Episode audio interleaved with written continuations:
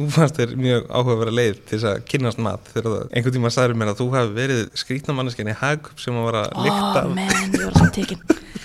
Sko, til þess að búa til svona, svona database í kollinum maður af öllum líktunum, því það getur hver sem er blindsmakað uh, þetta snýst bara um æfingu. Þetta snýst um að tengja konsept við líktina, það þarftu bara að þefa af öllum fjandarum og eru oft tekin í hagkaup bara í ávaxtaborðinu og þá er ég að þefa af einhverju og kom alltaf stafsmæk, get ég aðstóða þig? Ég stóð þarna kannski með kókosnitu eða gáð, ég ætla að fá þetta. Og liðið sem ég eru að leiða með. Aftur, já. Svona óvaxta karvaxtar kantur fók dýr Komin sæl, kæru hlustendur og verið hjertalega velkomin í Happy Hour með Væsmenn, hlaðvarpið sem er í fljótandi formi. Það er Landi Parfjum sem færir ykkur Væsmenn, Landi er frábær ilmur af íslenski náttúru, hveti ykkur til að kynni ykkur landa á Landi Parfjum inn á Facebook. Við ætlum í vinkarfluna í dag þar sem við uh, fáum til okkar helstu vinsjafræðingar landsins og umræðu efnið snýst um vín. Og þetta er að segja gestu þáttarins já nefa eitt fróðasti vinsjafræðingur landsins og eftir að hafa tekið upp þennan þátt að átti að með á þig hvað ég í raun og veru veit lítið um vín í samburði við hana. Þetta er þáttur sem allir vínunundur skul ekki láta framhjá sér fara. En áður en við byrjum þetta þá langar mig til að benda ykkur á að Happy Hour má finna á Instagram undir Happy Hour Væsmenn og svo er auðvitað Facebook-grúpan þar sem að þið getið komið með ábendingar um viðmælendur eða annað sem þið viljið heyra í þáttónum.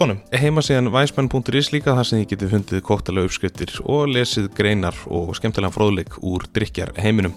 The Væsmenn er líka á bæði á Instagram og Facebook ef þið viljið fylgja mér persónulega þar.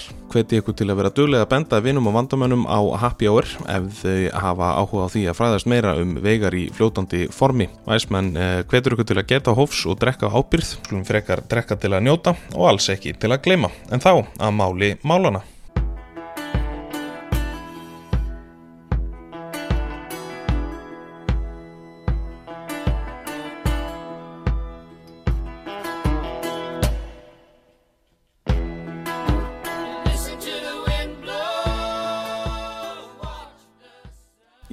Gegnum tíðina hafa sterkir karakterar mótað veitingageran á Íslandi. Þetta eru einstaklingar sem drifnir eru áfram af miklum metnaði og löngun til að verða betri á einn sviði.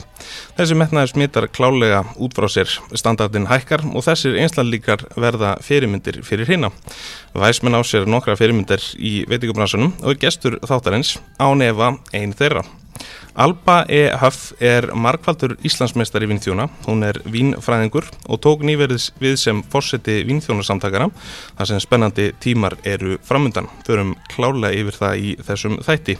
En umfram allt er hún einn magnaðasta kona sem ég hef kynst á mínu ferli í veitingabransunum og kynntust við árið 2006 þegar ég var 16 ára gammal ungur drengur með aflitað hár og hófnám í framleyslu á Vox restaurant. Það kom fljótt í ljós að þetta þryggjára þjónunámitt átti ekki eftir að verða stunda af hálfum hug og ef við hóruð tilbaka þá kynntist ég alvöru metnaði í fyrsta skipti hjá Ölbu og hefur sá metnar heldur betur skila mér miklu síðan búin að býða lengi eftir að fá hana í þáttin og hér er hún mætt Alba E. Huff, frúfósiti, verður hærtan velkomin í Happyar Takk fyrir elsku, elsku Andri. Þetta, þetta er nú fallegasta kynning sem ég fengið, ég vil bara meir? Já. Ég laði mikið, mikið metna í þetta Já, og komið ártöru og alls konar. Já, já, sem ekkert verið að ræða ártöru líka mikið. Nei, guðminn tíminn liður svo rætt maður. Ég vil gera þetta.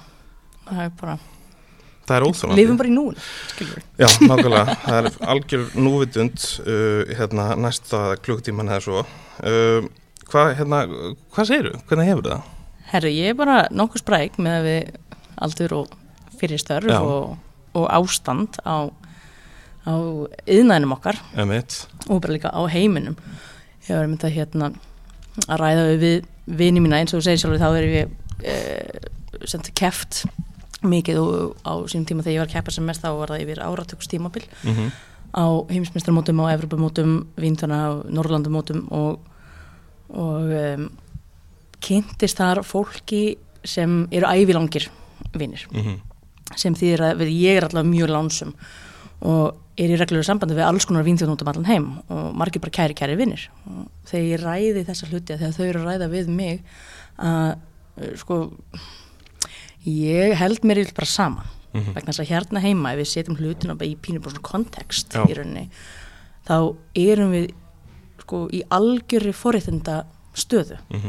ef við ekki miskilja, bransin okkar er bara haldur Já, það er, fyrst, það er enginn að vinna, Mhm. við vitum það alveg en ef við byrjum þetta saman við hvernig þetta gæti mögulega verið annar staðar ef við höfum rokkstjórnum vínþjónar að missa um, fyrirtækin sín Mhm. út um allan heim það, er eru allir einhvern veginn á atvinnleysisbótum og það eru ekkert öll löndin sem eru með kerfi sem grýpur okkur á samátt og við um hér. Mhm. ég er ekki að segja að þetta sé ídjalt Mhm. eða að, að um, þetta er eitthvað sem getur verið langvarandi uh, langvarandi lausn en við erum mjög lansum mhm, þannig að ég er að horfa á þetta situation allt sem mann sem eina stóra æfingu í æðruleysi.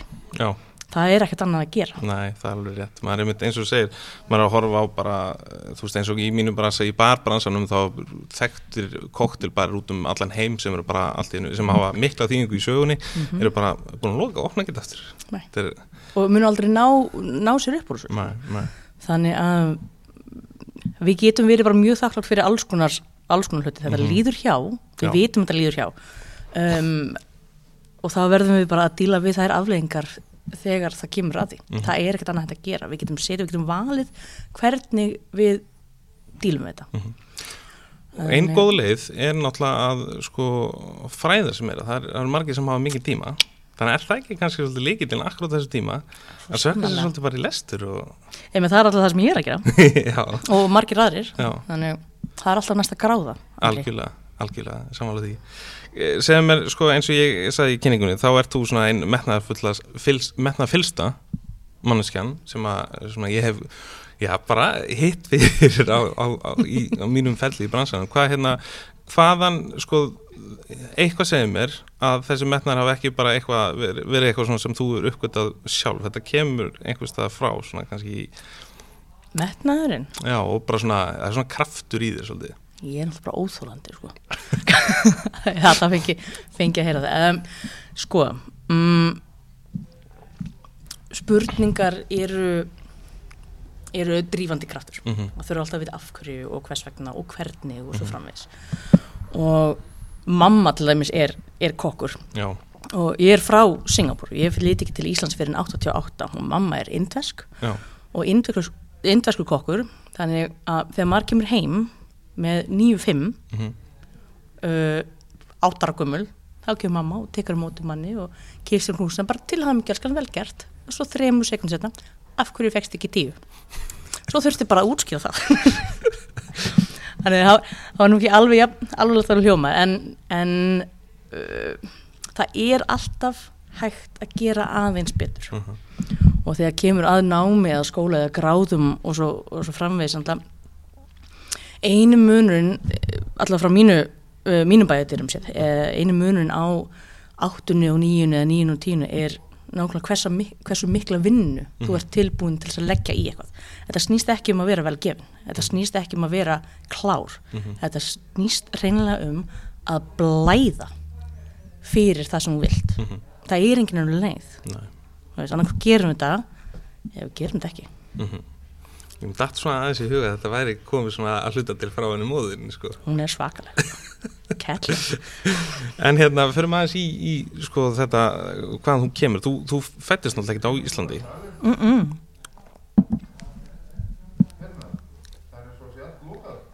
Við erum í miðri upptöku. Ekkert mál.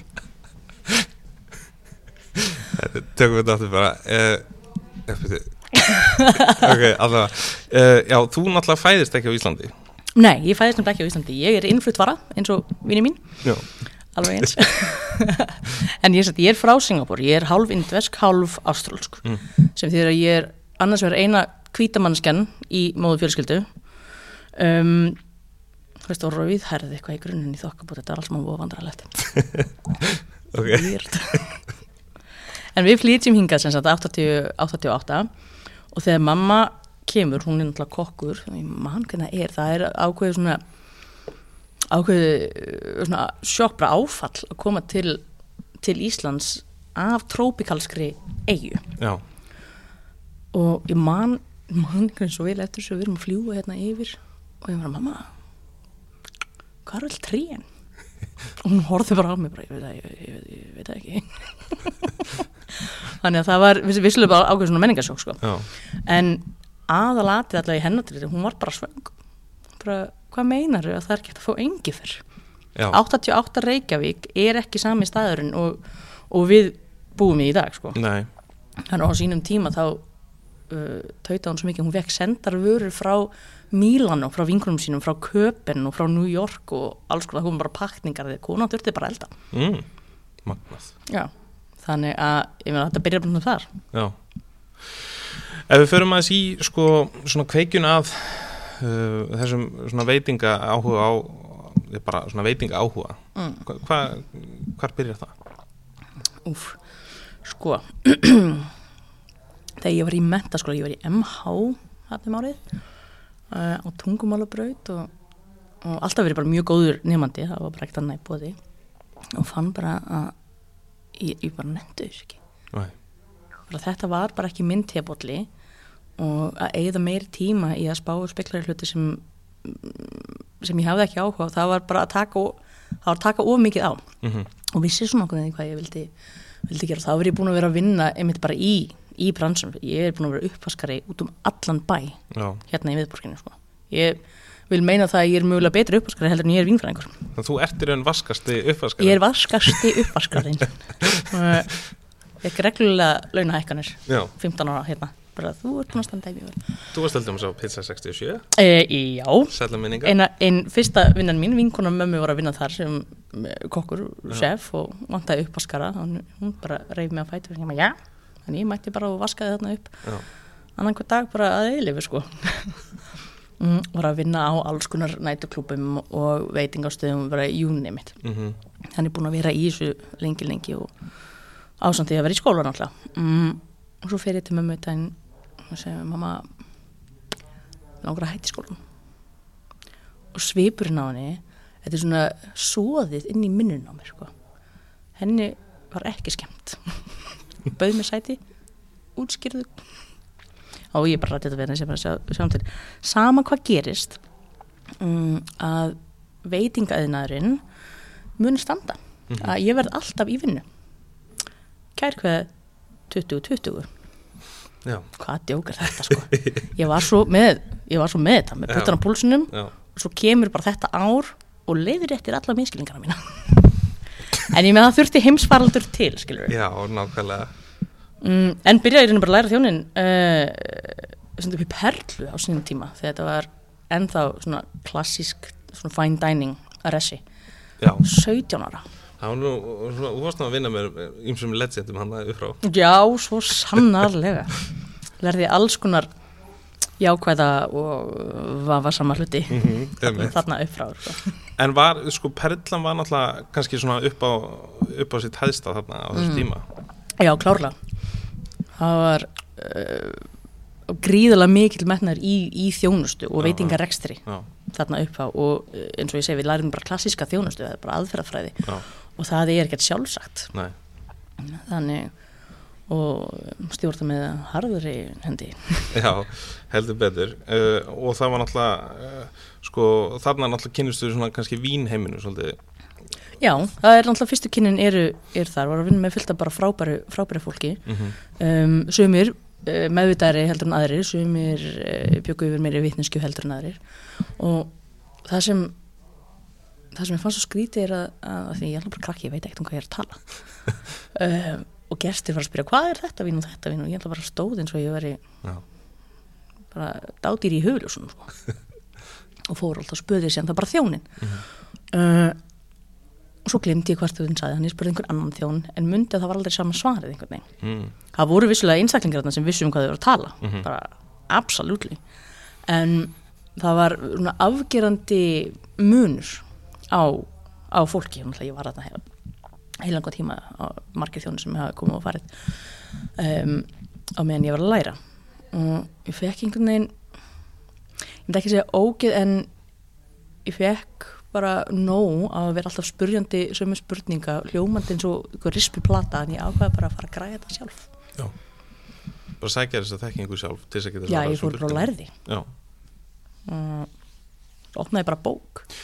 Það er eitt sem að mér langar svolítið að spyrja um einmitt varandi þetta, því að sko núna er þú veist, ég er ekki að segja að þú sett eitthvað eldgömmul en, en það var ekki það var, það var, það er auðvildra í dag að fara bara og, og finna sér fræði á netinu heldur Já, en var á já, þeim já. tíma Hv- hvernig í óskopunum byrjaði þetta, þú veist, hvernig fattar bara þessi bók er, góð að lesa, þú veist, var það bara frá Borgabókasafnið. Já, það Ég bara bjóð málið. þar bara.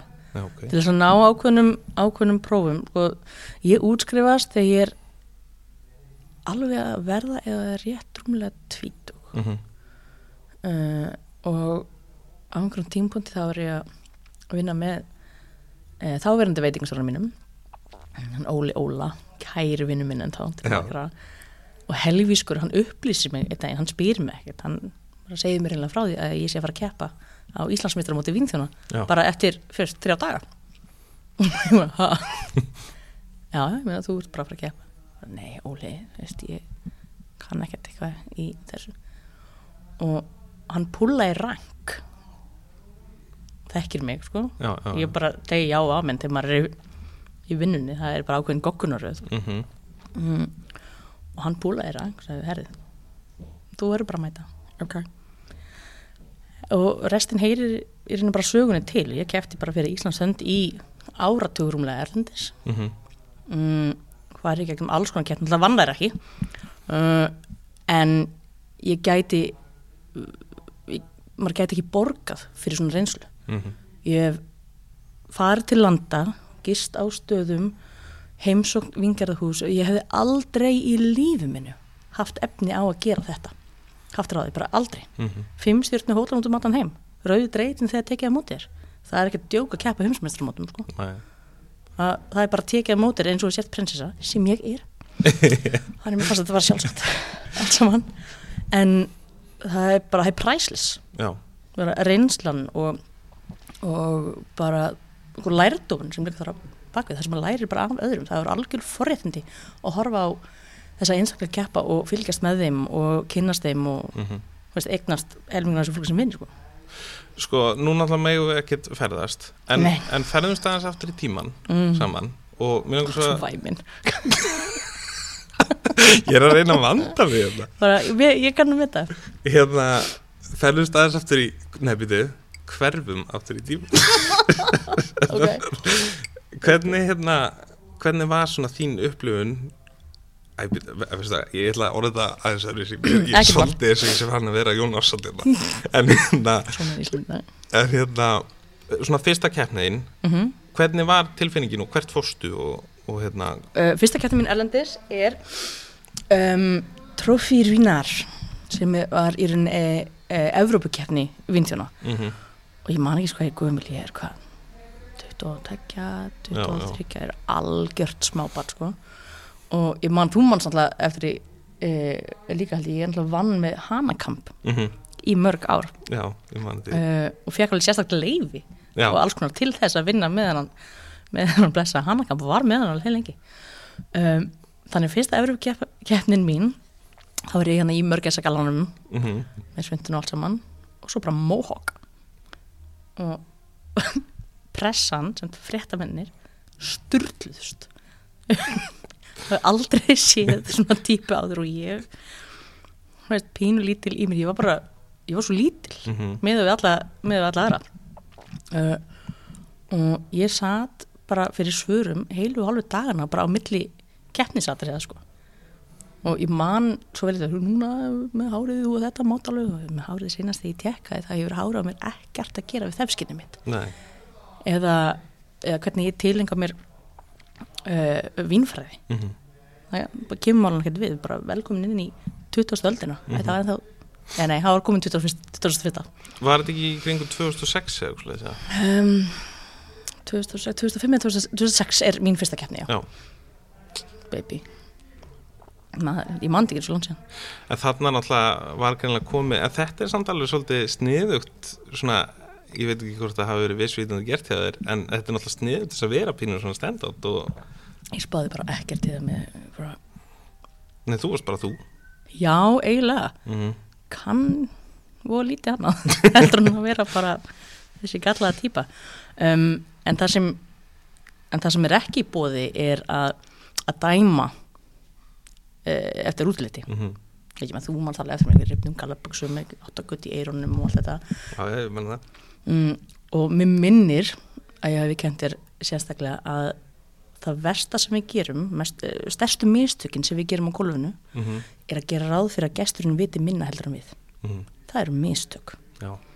og það á við ennþá meira í dag heldur en að gerði þetta Já, er það ekki? Mér langar einmitt aðeins að stoppa á þessum út Já.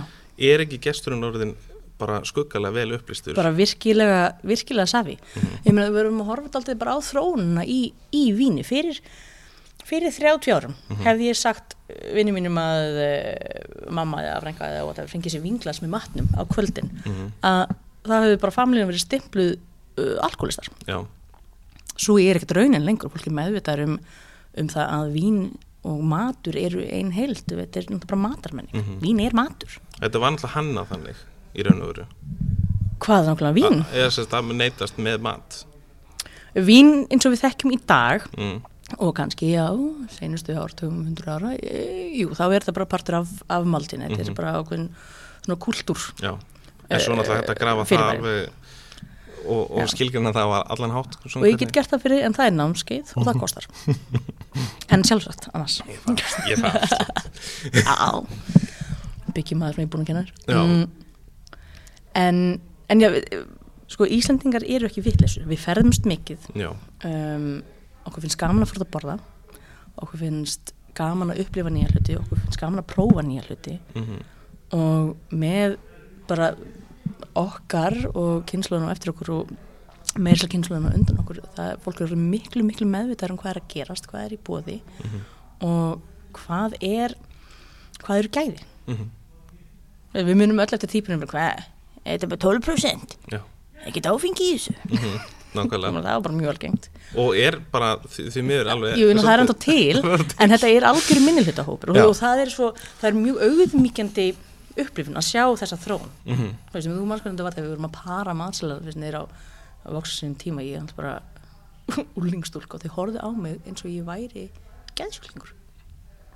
Ég þurfti alveg að tala þau til Já, og bara sko prófa þetta bara á mína leið og ég mun svo gekk þetta upp að sjálfsög já, já mm, en þá tók alveg smá tíma. Í dag er þetta fullkomlega sjálfsög hlutur. Mm mm, það eina sem það, að það má alltaf bæta. -hmm. við getum alltaf bætt okkur. Og það sem skiptir mestumáli alltaf fyrir minnpart er að nýta þessa þekkingu sem er nú þegar komin til landsins. Mhm. um, bæði framröðslu fólk Mhm. um, vínbúðin Mhm. til dæmis, þeir mig alveg eiga það þeir hafa gert alveg bara virkilega vel við sitt starfsfólk. Fyrir þá sem hafa sett í til dæmis í kringum vafsett prófin að fyrir það er engir vittlýsingar að vinna þarna. Það er alveg hægt að treysta þeim. Mm mm, þannig að það hefur verið bara gríðarleg og bara mjög jákvæð þróun í, í Mhm. víni. En ef við sko, nú erum við búin að segja, tala um það hvað, hvað gesturinn er orðin vel upplýstur. Mm. Hvernig finnst þér uh, Hvernig finnst þér þá á móti kemur að, Hvernig erum við bara þjónar í dag upplýstir í víni það, það er bara misjátt Já, það er doldið einstaklingsbundi hvað fólk er tilbúið til þess að leggja á sig. Um, og ég er ekki að segja neitt af þessu til þess að- hræða fólk en ef þú ætlar að verða vínþjóðn eða vínfræðingur mm á það bara krefst fórnar. -hmm. þú þarft að læra. Já. það er bóklegt fyrirbæri, þetta er bóklegt nám. Um, og það er ekki fyrir en þú ert með fyrst, ákveðin, eh, ákveðin grunn algjörlega á hreinu að þú getur fara að nota þetta live á vinnustanum og við kestin þú Mhm. verður að vita um hvað að tala Já, af því að mistöknum með tvö sem við gerum er að ljúa gestunum af því að við bara vitum ekki svarið. Mm og það, það er ófyrirgjafalegt -hmm. oft staði fólki samstarfsmenn og, og aðra því að bara bulla bara eitthvað þegar gesturinn nappar það og það er bara, það er óþarfi, það er engin smán í að viðkynna að þú bara ert ekki alveg klára á því. Mm það er alltaf læg Sjámanlega Svo náttúrulega hefur þetta kannski líka aðeins breyst af því að það er náttúrulega búið að opna bara haugurinn af veitingahúsum hérna og, og kannski ekki við búið að framlega nægilega mikið af framlýslu fólki til þess að nei, við erum alltaf degjandi stjætt sko. Uh, af því að fólk, fólk útskrifast og færi oft pínlítið sjokk um, þegar kemst að ég að þarf að læra svo miklu, miklu, miklu meira. Já, það er oft svolítið stórt sko. sjokk fyrir fólk. Og það er, það er bara svo áfall fyrir suma. Mm sem ég meina að fyndið og ekki fyndið. Já, um, en það þarf að læra mun, mun meira til þess að uh, til þess að taka vínfræðipróf einmitt. til dæmis. Mm þannig, Væri einhvern veginn hægt að, þú veist, undirbúa fólk meira eh, bara í gegnum þetta þjónunam að, að þú veist, þú, þú ert bara komin svo svo langt þó útskrifst hérna mm og bjóða upp á einhverja ákvæmna möguleika þú veist, ég man alveg þegar ég útskrifst sem er orðið svolítið síðan, reyndar mm. að maður einhvern veginn var ekki alveg klárað í hvað maður gætt gert eftir á. Nei, margir, margir hafa um, hvað segir, þú getur ekki lært vínfræði hérna heima Nei, per se. um, vissulega eru einstakling, eh, einstaklingar sem geta kent en það er engin að sérhæfa sig að undirbúa fólk undir stóru prófin. Mm um, þannig fólk getur kosið hvað leið það fer margir, margir sumir -hmm. kjósa að fara samt vafsetliðin og þegar ég segi vafset þá meina ég WSET Mhm. Wine and Spirit Education Trust uh, sem er mjög mjög góð leið ef þú ætlar að opna fyrir um, bara vínfræðina almennt Mm ef þú ætlar að vera vínþjótt hins Já. vegar að þá myndi ég alltaf leggja til að fólk taki CMS prófin sin, Court of Master Sommeliers uh, ég tók hvort takja Mm. á sínum tíma því að meira er betra. Já, en annars verður opnar það sko fyrir Master Wine og Mhm. hitt opnar fyrir Master Sommelier. Þannig að þú ert með báðar guturnar þarna allavega mm opnar fyrir þér og það er alltaf önnur gráða.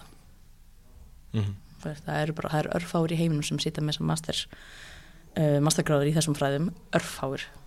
En það er alveg hægt ég meina ég stefna því Mm vinsali. þetta er dýrt sport já, þetta er dýrt hobby sko. Þú verður að ferðast, mm þú verður að fara á staðina þú verður að smakka reglulega. Uh, þetta er gríðarlega mikil vinna hef fyndið þegar ég ræði fólk ef ég er að fara á vínsýningar eða, eða, hvað, eða hvað það er þá heyrist alltaf einhvern veginn hvað, ætla bara að fulla svona daginn? Mm já. góð saga. Enginn er að gera sér grein fyrir að þú ætlar að vinna 8 tíma dag við að smakka vín. Mm að þá er það sko mjög krefjandi. Já. svona punishing. Þú þarfst að kunna bara ákveðna aðferðafræði. Þetta er trikk, en það getur hver sem er lært þetta. -hmm. ég, og ég lofa það, það er einhvern veginn svo dular uh, dularfullt þessi fullt þessi yðnaður uh, misteri í kringum, það þarf ekki að vera. Mhm. og eins og þú sagðir hérna sjálfur þá var ég að taka við uh, sem, sem fórstætti vínþjónsamtakana og við erum nýbúin að halda fyrsta aðalfundin okkar. Og voru að upplýsa fólk um hvað það er sem við ætlum að gera og hvernig við ætlum að, að stíga almennilega inn í þetta ár. Og Mhm. það er bara fullt á dagskrá. Fullt bara, fyrst og fremst er Íslandsmeistarkeppni vínþjóna og það er bara núna í þessum mánu, það er 2005 já. uh, Koma aðeins yfir í- í- inn á þetta eftir. Mm, Fyrst nefnilega uh, þá hérna langar með að fara í ég ætla, ég ætla að brjóta aðeins upp. Mm, og ég ætla að koma með, ég ætla að koma með hérna tíu svona áhugaverða spurningar fyrir þig.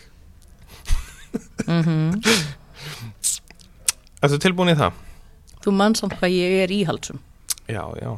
Er Sko, þetta er svona eitthvað svona sem að sem ég kalla vinsían og þetta er svona alls svona skemmtilegar og kannski, vín sían, já við erum svona síja vínfróðleikin síja vínfróðleikin Já, herðu, ok, sko uh, hérna þessu spurning nummer eitt uh, Mm. Hvernig mat þykir þið mest trikki að para vín við? hmm.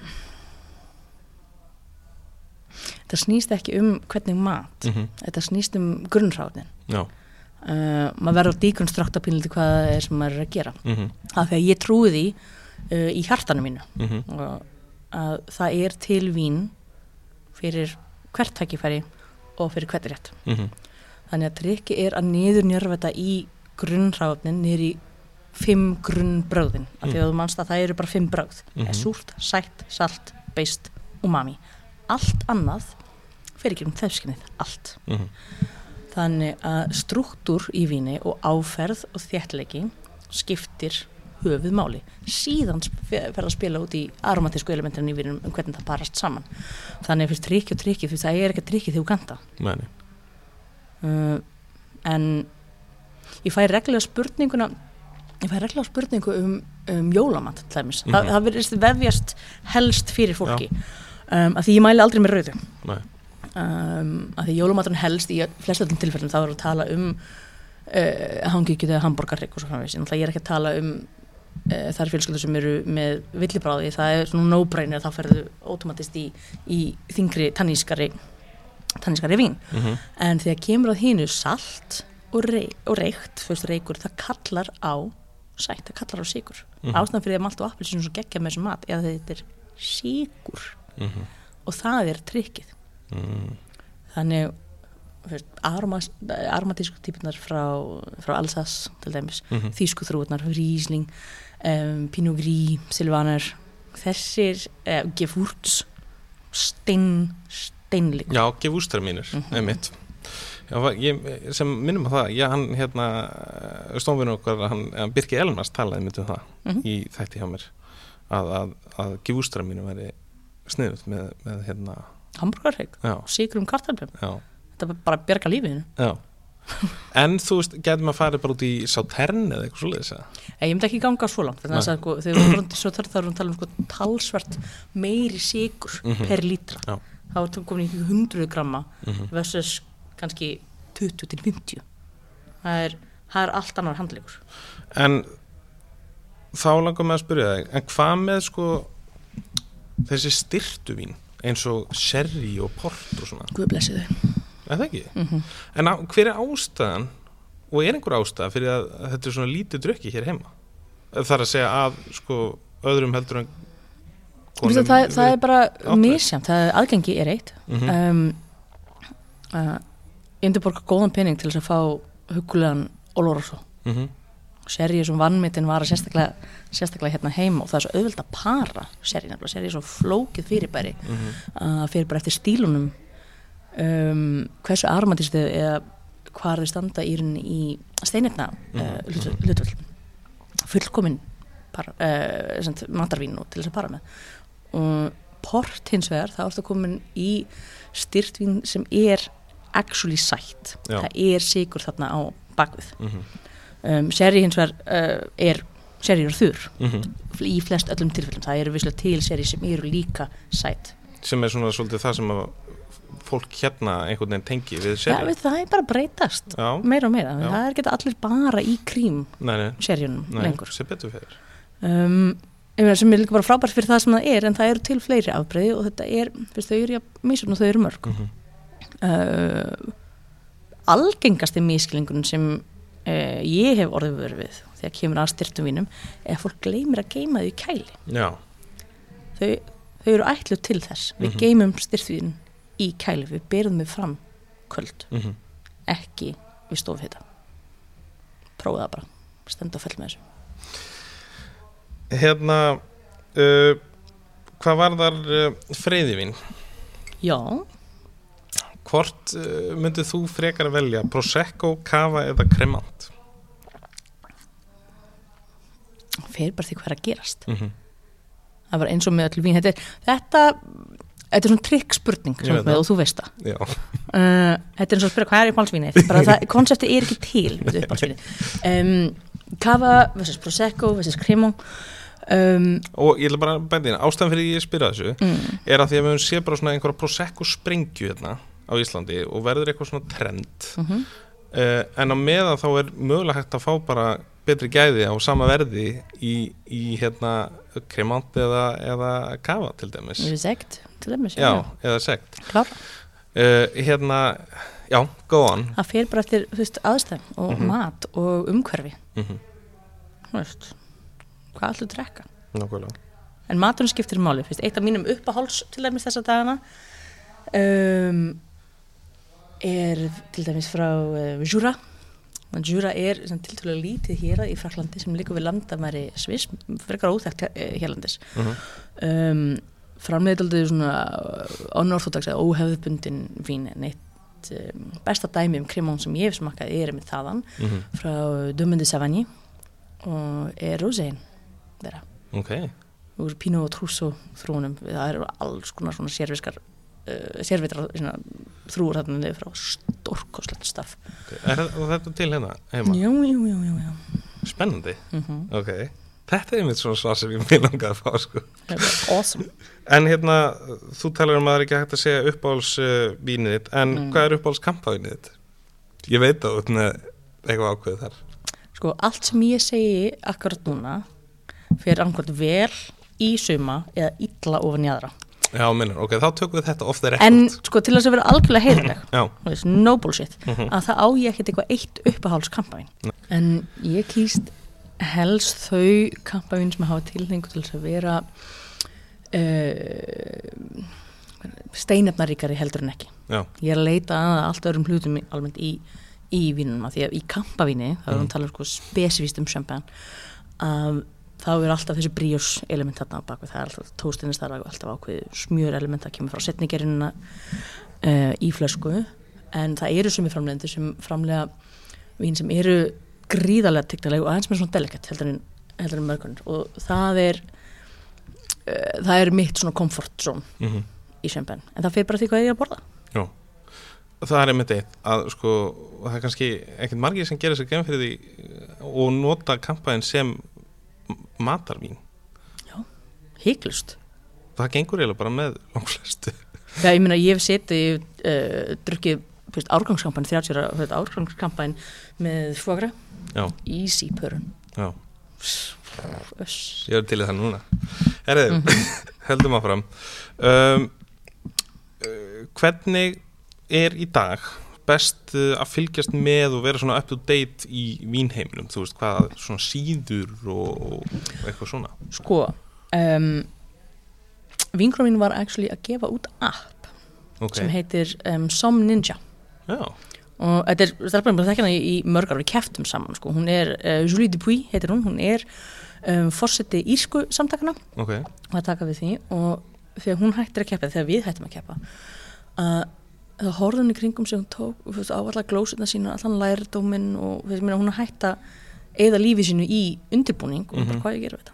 En hún tók allt og bjóð til app. Vá, og veistu, Andri, það hefur aldrei sést neitt svona áður. Hvað heitir það segir Som Ninja. Og Ok. ég hringdi í hana fyrir, fyrir hérna svolítið síðan og uh, og dílaði við hana að þeir einstaklingar sem eru skráðir meðlimir í íslensku vindjónsamtakana Já, við fáum 50% afslátt af áskjöldurum á appinu. Ok, geðveikt. Já, þetta er bara, ég hef aldrei séð neitt svona. So impressed. Ég er mjög spenntið fyrir að, að ég er líka mjög spenntið fyrir að heyra meira um uh, flön viðnþjóðarsamtakana, við erum alveg að koma að því. En hérna, sko um, hvaða vinnþrú að veri þinn maki? Rísling anda ekki svona milli. Rísling, Rísling, Rísling Já. Guð bless hana. Hvað, er hún bara, ef hún væri manneskja? Uh, þá væri hún skitsofrinsk líklegast. Uh, nota penni Rísling getur verið nefnilega svo margt. Mhm. þú getur fengið það fyrir bara eftir hvar það er verið að framlega vínin úr Rísling en þau geta verið algjörlega algjörlega þurr uh, steinanrík, feit massíf sko fýtuslíkjurnar sem endast í glasinu að eilíf, svo geta þau líka bara verið léttari kantinum, auðveld aðgengileg. Þau geta verið dísæt mm -hmm. það bara fyrir til hverja framlega en Rísling er svo þrúa sem þarf ekki á neina að halda. Mhm. hún stendur bara sóló og er mjög erfitt að klúðra Rísling framleyslu en þau geta búið til óeiguð vín sem eru 30 ára kumul þannig að líka þannig að hvítvín eru hönnu til þess að drekka ung. Mhm. Um, en í örfám tilfellum þá eru til vín sem geta elst alveg og Rísling er drottningin þar sko. Já. Snild. Já, Ég til að koma í það að brúka upp. En já. Herðu, uh, sko Mér hérna Ég þykist vita að uh, að Marone er í uppaldið þér. Mm. Hvað er það sem gerir það svona, svona sexy og, og gott eitthvað? Sko senast þegar þú heyrðu þetta það var svona tíu árum sko. Nú já, þannig að við fylgjast með sko. Já en, en, en öllu hérna gríni slepptu þá er Amarol algjörlega, algjörlega stórkostlega vín sko. mér, mér finnst þau sexy um, vegna þess að um, þau eru svo nokkuð bara sérvitur. Mm raun, það þarf bara svo mikið púður til þess að framlega Amarol reglurnar eru eru strángar og sem matarvín, af því þetta er matarvín Já, ég legg allavega ekki í það að sitja og södra hvað Amarone bara á kantinum um, að það er svo auðvelt að para þau líka. Mm ótomati skæði uh, vínin eru í lang flestum tilfellum bara virkilega fallega balansuð þrátt fyrir að vera hái áfengi. -hmm. uh, og þetta er, dálítið, þetta er svona vetrar vín þetta eru villibráða vínin það er hreindir, mm sleið. Ok það gaman að umhella Já, nákvæmlega. Munið það. Uh, En hérna Hérna er svolítið skemmtilega spurning sem ég finnst. Mm, Er þetta tilbúin í hana? mm Þú mátt búa til vín hvar sem er í heiminum. Þú mátt velja land, svæði og þrúi í alvegni mm ok, við það eins Ég viss að þú verið spenntir þessar spurning sko, þetta er, þetta er svo hlaðin spurning Ég veit það. Þetta er svo hlaðin spurning uh, Segðu mig frá því, hvað er í gangi í maður núna? sko, að því þetta, þetta er hlaðin spurning að því annars verð að uh, heimurinn er allt annar í dag í vínframleyslu heldur en var fyrir 20 árum Mm. ég meina á seinust áratum það er fólk til dæmis í baska hér að rífa upp vingarna með rótunum sem þess að færa það ofar í fjallinu það er afgerandi það er afgerandi breyting á hitasteginu og bara á climate Mhm. í heiminum. Og fyrir þá sem vilja meina að svo sé ekki raunin þá horfum við bara til landbúnaðar. Já. Það er afgerandi munur. Mm uh, og ég ótómatist þrátt fyrir að þú minnist þannig á Amarone sem er bara stórklast vín að ég hef tilningu til þess að, að, lifa og hrærast frekar í þeim vínum og sérstaklega þeim rauðvínum sem eru úr köldu lofslæg mm. Að ef við tökum bara sem dæmi um, uh, Cabernet Franc Mm sem dæmi aðalega þetta sem blöndun að þróa í Borþó okay? eina af þessum þreim eina af þessum þreim klassísku Cabernet Sauvignon, Merlot, Cabernet Franc -hmm. uh, hennar eðlilega umhverfi er í Loire talsvert norðar Mm -hmm. að þegar hún fær að vera bara einn og í friði að þá, þá er það framlega vín sem er að sína svipaða núansa í nefi og Sauvignon því hún er actually uh, fóreldraþróa Cabernet Sauvignon mm. uh, en talsvert léttari í eðlisinu mm, aðeins lægri í áfengi en algjörlega jafn flókin það er ekki sama þingdin, það er ekki sama höggið Mhm.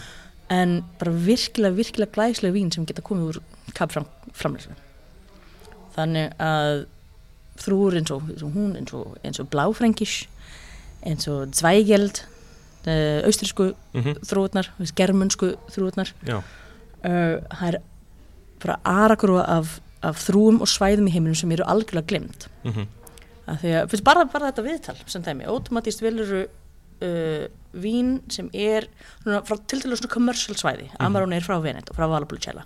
Allir þekkja, það. Mhm. allir þekkja Bordeaux allir þekkja Toscana, Rioja Rivera, Mhm. engin eh, engin sem er vín áhuga manneskja er eitthvað að láta þessi nöfn koma sér óvart Mhm. en síðan er þetta með svæði eins og Jura síðan er þetta með rauðvinin frá e, frá dæmis, frá Turin, frá Anjou frá Sviss frá Mhm. Argá einhver skemmtilegasti framlendi sem ég veit um bara til margra ára er hann Hössi, hérna, hérna Höskuldur Haugsson sem á Hauksson. Já, Væn, já. Já. uh, í, í Árgá í. Sviss. Og er að spila þar einmitt með uh, Cold Climate þrúr. Mm og það er daldi mitt poison sko. Þannig ef ég fengi sjálf að velja hvað ég vildi framleiða Já, oh my god, það er svo valkviða að þau myndi kjósa kaldralofslag ok. Uh, ég myndi kjósa viðkvæmari þrúurnar mm ég myndi kjósa wow, Kanada. Ok, actually Kanada. Já. fyrir Snaga Peninsula. Það er framúskandi framlindur þar. Mm, þrúur eins og Bakunuar sem er hybrid þrúa mm maður sko hybrid þrúa er? Nei. Jæja, ok. Uh, í stuttumáli mm uh, það eru klóns -hmm. það eru cross þrúur og svo eru hybrid þrúur klón er bara fyrst klón er bara klón, fyrst Mhm, kafni, mhm. Mhm. svo ertu með cross af þrúum Mhm. sem þýr að til þess Cabernet Sauvignon er cross af Cabernet Franc og Sauvignon Blanc. Mm -hmm. Mamma og pappi gera Cabernet Franc. Ok. Hybrid þrúa er er afleiðing vítisvinifera sem er evróski vínviðurinn versus eitthvað af amerísku. Já, Veist, vítis, uh, berlandieri, rupestris eða you name it. Um, er í parja þannig hybrid trúur eru ótomatís aðeins öðruvísi í að díla við uh, hvað það voru svona climate síðan Já. hér er það talsvægt betur. Já, já. En ég verið klárlega til í það. Kanada, mm flutt sko. Hvað myndi að heita?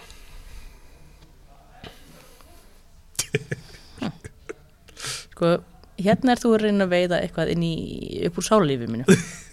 Já, já. Þú ætti að vita betur heldur en þetta. Hvað myndi það heita? Ég meina mm,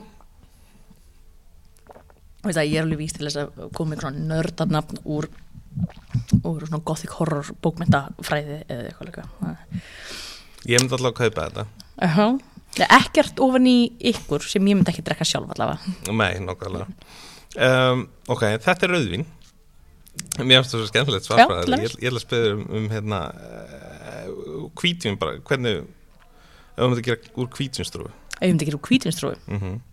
kerner er þóldi huguleg þrúa Kernir? Kerner, kerner er hann hvít aromatísk, aprikósubeis akasjuhunangin hefur tilhengt til að vera gríðarlega um, há í, uh, í, í steinatna innihaldi, þannig þau eru fesk þau eru flókin, þur en vega mikil kerner er þóldi gott staf sko. Hvaðan, Hvar eru þær ræktar? þetta er germunsk þrúa, Já. kerner er mikið notallum í Sviss.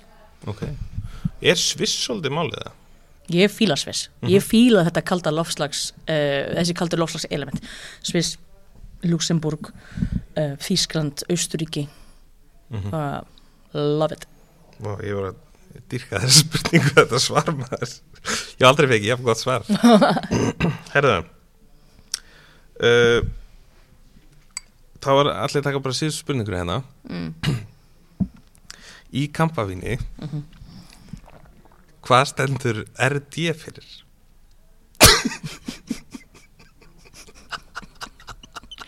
þetta er að krútlegast það sem ég hef hýrt lengi. Æ, er það að spyrja fyrir þig að því þú manst það ekki? Er það að spyrja fyrir áhyrndur Ég Resimón de Gorge. Já, ég er aðeins að að fiska eftir eftir hérna. Hvað það ég sé ekki vínfræðingur. Nei.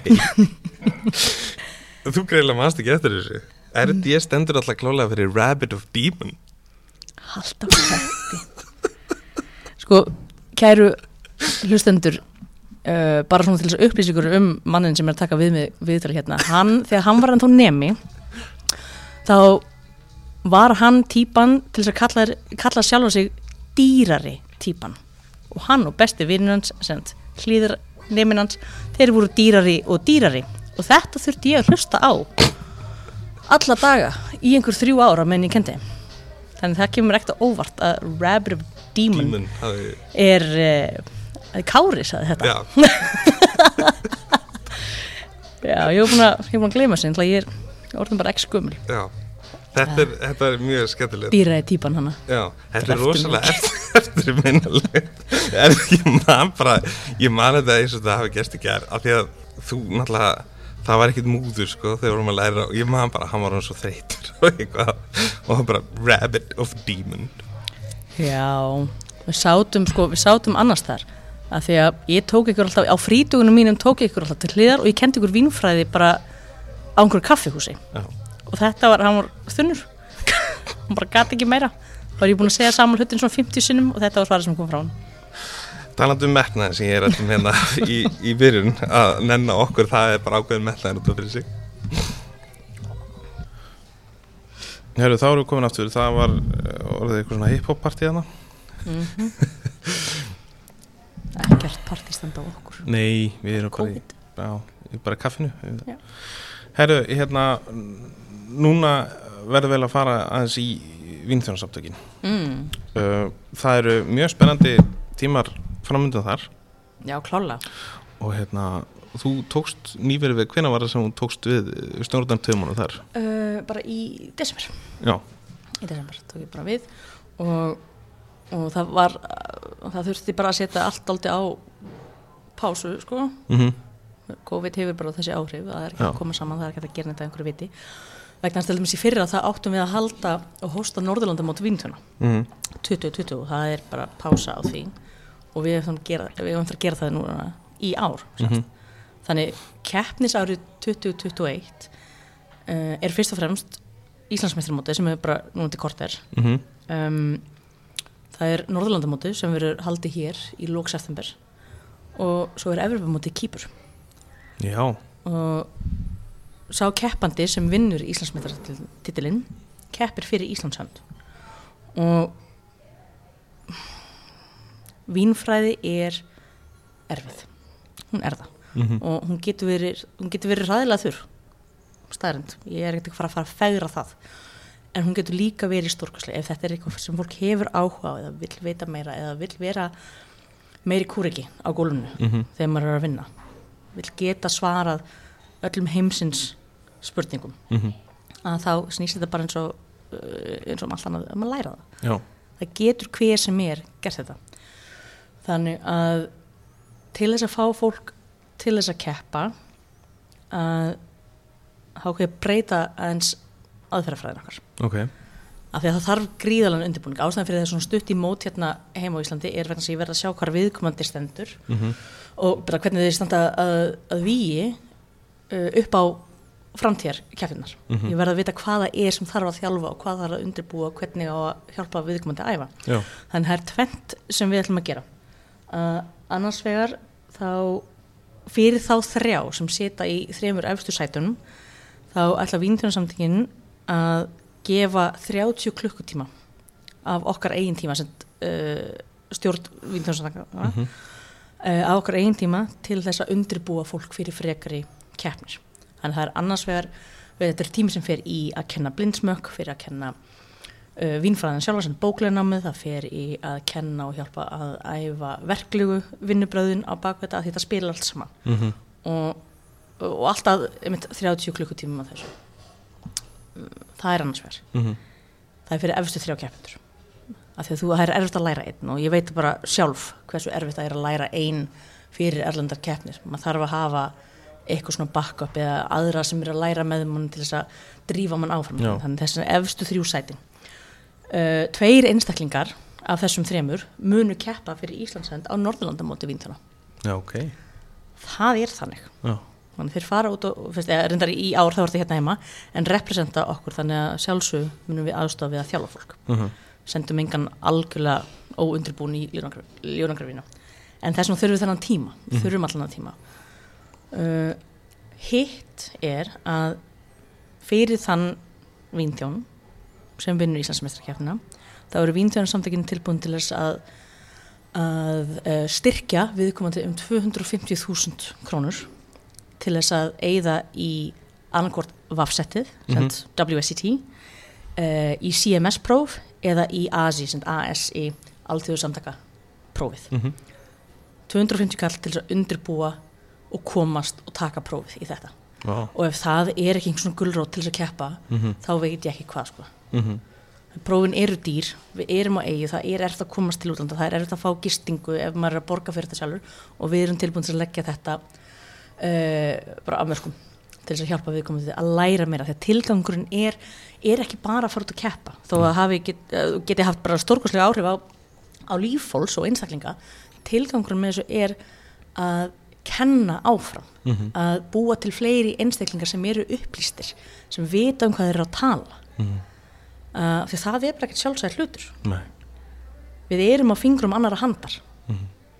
og erum degjandi stið þannig það sem, hefur ekki, það, það sem við höfum verið að gera hinga til hefur ekki verið að virka sem því að við þurfum bara að breyta taktir ekki um, og eins og ég nefndi að fyrir það sem vilja vera hluti af samtökunum okkar. Veist, það er ár, árgjald. Það er, við verðum að geta að skráða ykkur á einhvern hátt. En þá fáðu 50% afslátt af þessu appi, Somninja og ég meina, það fyrir, fyrir 50 pund þetta kostar 120 hlýs á árinu. Mhm. það er engin pinningur Mhm.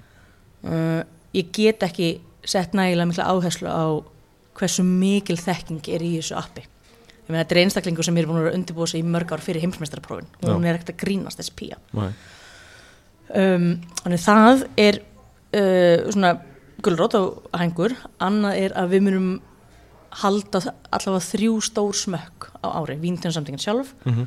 það sem við förum í gegnum bara aðferðafræði, Já. hvernig á að smakka hvað er trikkið á bakviða að þetta er allt saman aðferðafræði Mhm. Meina, og fyrst, til ykkar sem eru í yðnanum, við höfum oft setið með uh, hinum og þessum í einhverjum smökkum hér og þar og það sem kemur út úr er þetta ekki gott? Meina, jú, jú, klálega. En það er ekki það sem við erum að leita já. Við verðum ekki að greint vínin okkar. Mhm. mm, sérstaklega þú þarf að taka það eitthvað áfram. Þannig þetta er það sem við ætlum að gera. Uh, við munum eigða öllu pústin okkar í þessar keppnir í ár. Mhm. en Norrlandamóti verður something else sko. Þetta sko við slum hafa baka eira það eru tveir heimsmeistrar sem eru svíjar þeir sem keppa á Norrlandamótunum þeim gengur gríðarlega vel á Evrópu og heimsmeistramótunum það eru Evrópumeistrar sem Já. eru Norrlandabúar þannig að keppnin gengur þannig að það koma eru tveir keppnir frá hverjulandi uh, fórsetin sem koma með þeim uh, munu ótomatík sitja í domnendinni hjá mér og fyrst, það eru Masters of Wine. Ég er líka, eða fyrst, við erum líka búin að hafa samband við og fá uh, tvo internationally þekkta vínþjónum til þess að koma og halda masterklassa Já. fyrir áhörvendur eða fyrir keppur, það er fyrst fyrir þá sem eru hluti af samtökunum Mhm. um, keppnin gengur, þetta er, er tökja daga keppni setnindagurinn eru uh, uh, úslitin og þau eru á, bara upp á sviði Mm. það er bara dinner and a show Eru þið komið með location og, og svona? Mhm. Er það, já, ok. Ef COVID leifir, Já. þá er þetta að fara af stað 24. til 27. september Mm þetta verður keppnin og þetta verður bílinn Það er ekki daginn frá. Eða dagana? takk í dagana frá ja, allavega daginn, fyrir, fyrstu dagarnir eru ekki, eru ekki opnir almenningi per se Nei, en uh, úslitdagurinn er það já. og ef fólk hefur, fyrst fólk í yðnan, fólk í bransunum eða Mhm. hefur áhuga að vita hvað það er sem við ekki gerum að þá er þetta staðurinn til þess að sjá. En fyrir bara fólk, bara svona almennt, uh, þú veist, geta allir komið og horta á þetta? Það fer bara eftir bara hvernig COVID-reglunar Já, ég mitt, já. um, það, það er Já, það hangir allt einhvern veginn á á því. Við værum í, í því, náttúrulega. Já, get ekki beðið eftir að búið Nei, nákvæmlega. Ok, vá, já. þetta er, þetta er mega spennandi. já, þannig það er fólk sem er, hinn löndin alltaf eru líka hluti af þeirra uh, samtök tilheyra líka ASI, sem ASI er uh, sem Association Sommelier, uh, Sommelier International. Mm þetta er alþjóðasamtökin. Og þau eru ábyrg fyrir uh, Evrópukeppninar eða sem Evrópu, uh, Continental keppninar, mm heimsmeistarkeppninar og, uh, og er mjög þjætt samtök, það eru yfir 60 lönd sem tilhera núna Asi -hmm. og ég var nýverið kjörin í, uh, actually í stjórn þarna, ekki í álstjórninu heldur uh, koncept sem heitir Diversity Mhm. Committee af því að það eru svo mörg lönd sem eru sem eru núna hlutafara Asi uh, þá er gríðilega mikilvægt að, að eh, bara ákveðnar bara etikettreglur séu virtar. Já, bara hvernig á ekki að vera vittlisingur 101 já, já, og þetta, ég meina, þetta, er, þetta er mikilvægt. Við erum sex sem sitjum í þessari stjórn og við tilherum öll sko, minni hlutahópum fyrir allan penningin uh, gera oft grínaði að ég tilheri öllum minni hlutahópum undir sólinni sem er náttúrulega fyndið en gefur mér ákveð svona perspektíf já, um hvernig framkoma, hvernig, hvernig við tölum við hvort annað, hvernig, við, hvernig við keppum, hvernig við berum virðingu fyrir öllum þessum mismöndi kúlturum Mhm. að því að vín er ekki bara evróst Nei, vín, fyrst, áfengi er ekki bara evróst til þess að vera vínfræðingur það þarf að vita allt um allt sem hún setur upp í þig. Það skiptir einhver máli hvort það sé áfengt eða ekki hvort það sé súkulæði eða te eða kaffi matur, þú getur ekki para matseil eða þú kannt ekki matseiliðin Mhm.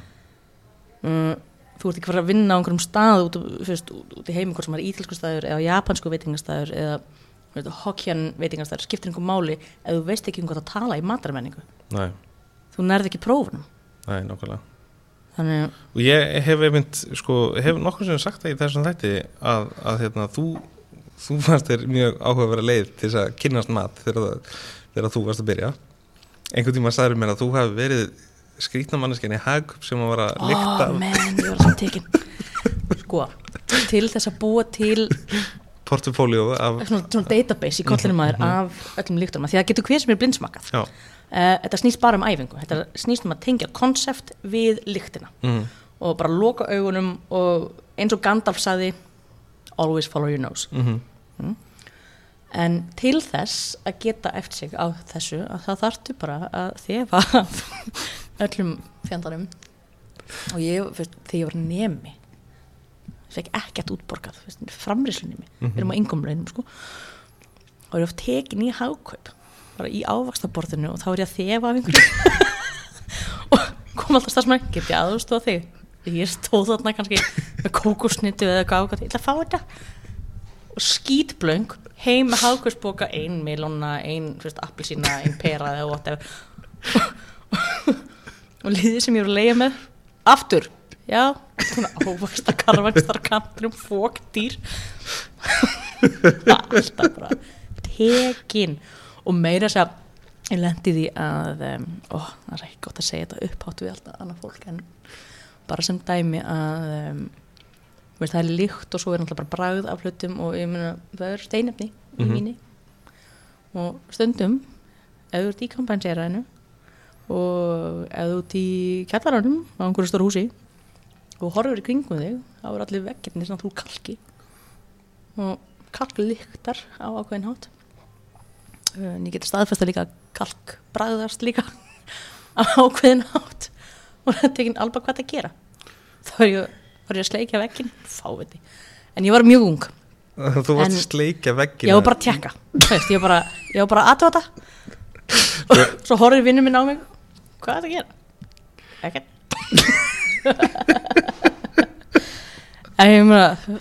það er enginn unnið leið. Nei, nei, ég er alveg Þú samanlegaður veist, hvað, hvað á stelpunum að gera? Já, hm, það er ekki eins og selja bara kalkik út í búð. Nei, nei, þetta er bara maður ekki vegi þetta er snilt En hérna, já. Þetta manstu. Ég man ótrúlegustu hluti. En hérna Förum aftur í hérna Víndýrúsáttökin uh, mm. uh, Gilda glasi, verður það áfram? já, það verður áfram. Ok, og það er mjög spesifísku panel sem við, við ringjum út til þess að setja og smakka gildaglassi en við erum búin að splitta þetta veru, fyrst, e, á tvö smakk á ári. Við Já. erum búin að aðgreina e, bara landsluta í rauninni af því það er komið svo mikill munur á, á löndum í rauninni og framleiðslu aðferðum. Mm Þú veist, Syrah og Shiraz þetta er ekki sambært, þú getur ekki sett þetta í sum kategóriu -hmm. þannig að fyrir ykkur sem hlusta munun á Sýra og er þetta í rauninni þetta er sama þrúan uh, Sýra er, er frönsk úr Rónadalnum og Shiraz er ástralska útgáfan. Og ef við hugsaum um DNA þá er þetta nákvæmlega sami hluturinn en ef þú, ef þú tekur tvær ölbur Já, og önnur alban er í Singapúr alla sína æfi mm og er uppalinn þar. Hín alban er tekin og það er farið með hann til Íslands og hún er uppalinn hér -hmm. að þá er það nákvæmlega sama DNA-ið tvær mismandi ölbur Skilurðu? Mhm. þannig það sama á við um síra þannig þau, við getum ekki sett þau í sum kategóri til þess að keppa Nei.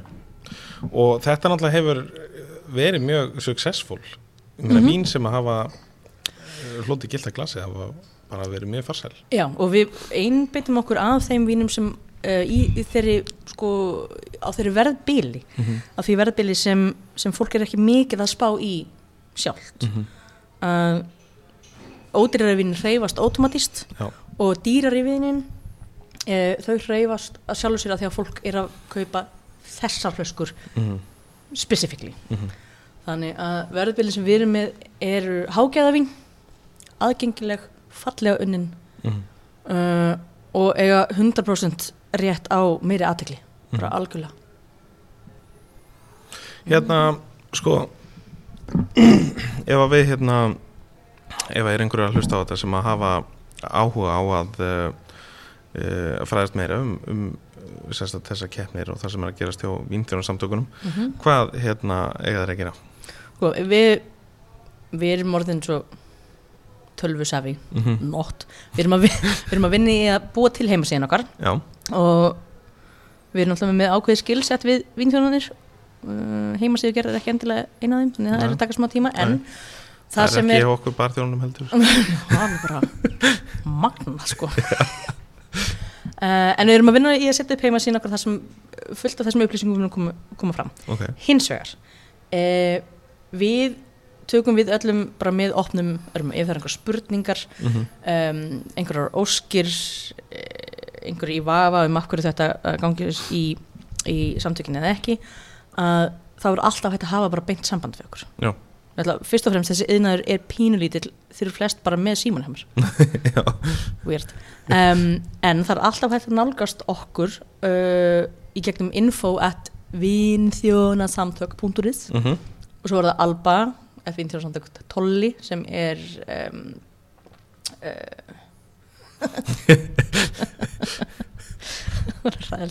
uh, fjármálastjórin Já, og Pítur Mhm. sem er varafórsti já, og við svörum öllum fyrirspörnum og, og, og ímennum fólk þarf ekki að vera framræslumiðin nei, eða vínþjónar til þess að ganga í samting það er engin indtökupróf um, við erum bara að stíga skref í þá áttuna að vera aðgengilegri vera sínilegri og taka bara við öllum að því að eina, eina leiðin til þess að koma innan okkar áfram til þess að upplýsa fólk meira er reynilega uh, að vera til staðar. Já, þannig það eru allir velkomnir. Mhm.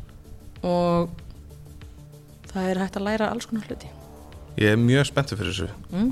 og, og er alveg vissum að hérna að uh, þetta verði snild svona þegar COVID er uh, búið að okkur hérna. Og kannski svona þetta fara að njóta þess meira. Mm. en hérna uh, við ætlum bara að fara að segja þessu lokið. Yes. Það er búið að vera að gegja að tala við þetta er svona í fyrsta sinn sem ég hef bara virkilega svona svona þurft að vanda mig finnst mér einhvern veginn. En var þetta ekki bara ágætt það? þetta var bara til fyrirmyndar gott við eigum svo gamalt samband þú og ég að það geti ekkert verið annað heldur en bara hugulegt samtala millir vina. Nei, ég samla því og ég held að það sé líka bara það sem er skemmtilegt að hlusta á sko. mm hmm. Herðu, Alba uh, bara takk kærlega fyrir komuna í Happy Hour. Bara sjálfur takk fyrir að- bjóða mér og takk fyrir kaffið í happy hour.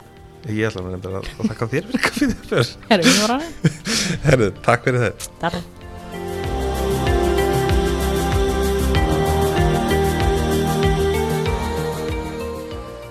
Þar að við það, það er ótt segja að Alba sér klálega eina af þeim bestu þegar kemur að vínum hérlendis og þó víða væri leitað þessi þekking alveg rosaleg. Og svo er hún bara svo góð í að koma hlutunum frá sér þannig að eh, fólk eh, skilji þá. Hvet eh, alla vínunundur að kynna sér vínþjónarsamtökin, það er án ef að nóg framundan hjá þeim. Hvernig fannst þið þátturinn? Mér langar mikið til að fá feedback á þættina í Happy Hour. Endilega skildu eftir kommenti í Happy Hour Væsmenn á Instagram eða aðdaðir í Facebook grúppuna með sama nafni. Þú getur líka haft samband við uh, The Væsmenn á Instagram og Facebook eða inn á uh, væsmenn.is Þessi þáttur verður ekki lengri að sinni. Muni orð Væsmenn, drekkum ekki til að gleyma drekkum frekar til að njóta. Veljum gæði og veljum íslenskt. Takk fyrir að hlusta, þangað til næst Væsmenn átt